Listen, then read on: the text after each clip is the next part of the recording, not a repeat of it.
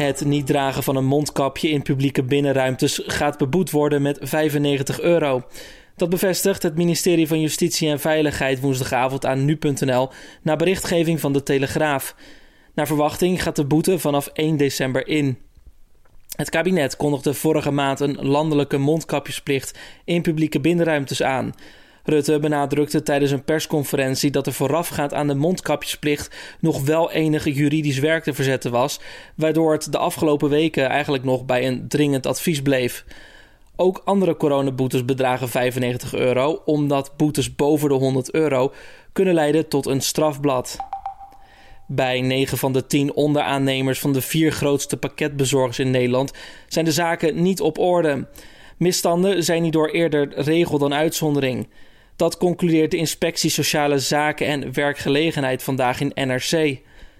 Onder de veel voorkomende misstanden zijn onder meer werklozen die in bezorgbus rijden terwijl ze een uitkering ontvangen. En ook bezorgen chauffeurs zonder geldige verblijfspapieren postpakketten en worden fictieve ondernemingen ingezet om geld weg te sluizen. De Australische politie heeft 14 verdachten aangehouden voor het delen van zelfgefilmde kinderporno.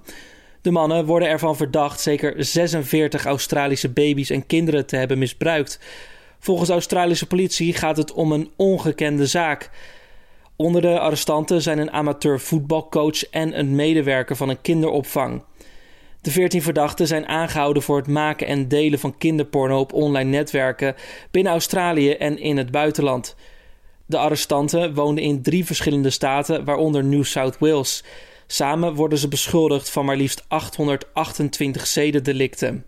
Sport dan. Het Nederlandse elftal heeft woensdag de oefenwedstrijd tegen Spanje gelijk gespeeld. In de Johan Cruijff Arena werd het 1-1, waardoor bondscoach Frank de Boer nog altijd zonder overwinning is met Oranje.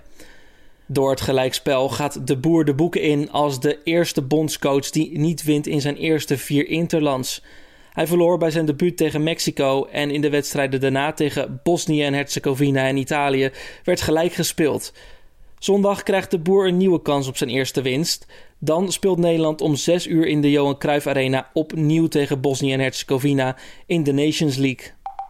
Ondernemers denken dat hun omzet volgend jaar zal stijgen ten opzichte van dit jaar en dat ze ook weer personeel kunnen aannemen. Dat meldt het Centraal Bureau voor de Statistiek donderdag op basis van een peiling onder ondernemers. De enquête werd begin oktober uitgevoerd, grotendeels nog vooraf aan de aangescherpte coronamaatregelen. Uit de peiling blijkt dat het ondernemersvertrouwen het afgelopen kwartaal alweer flink is gestegen. In het tweede kwartaal bereikte dat vertrouwen door de coronacrisis nog een dieptepunt.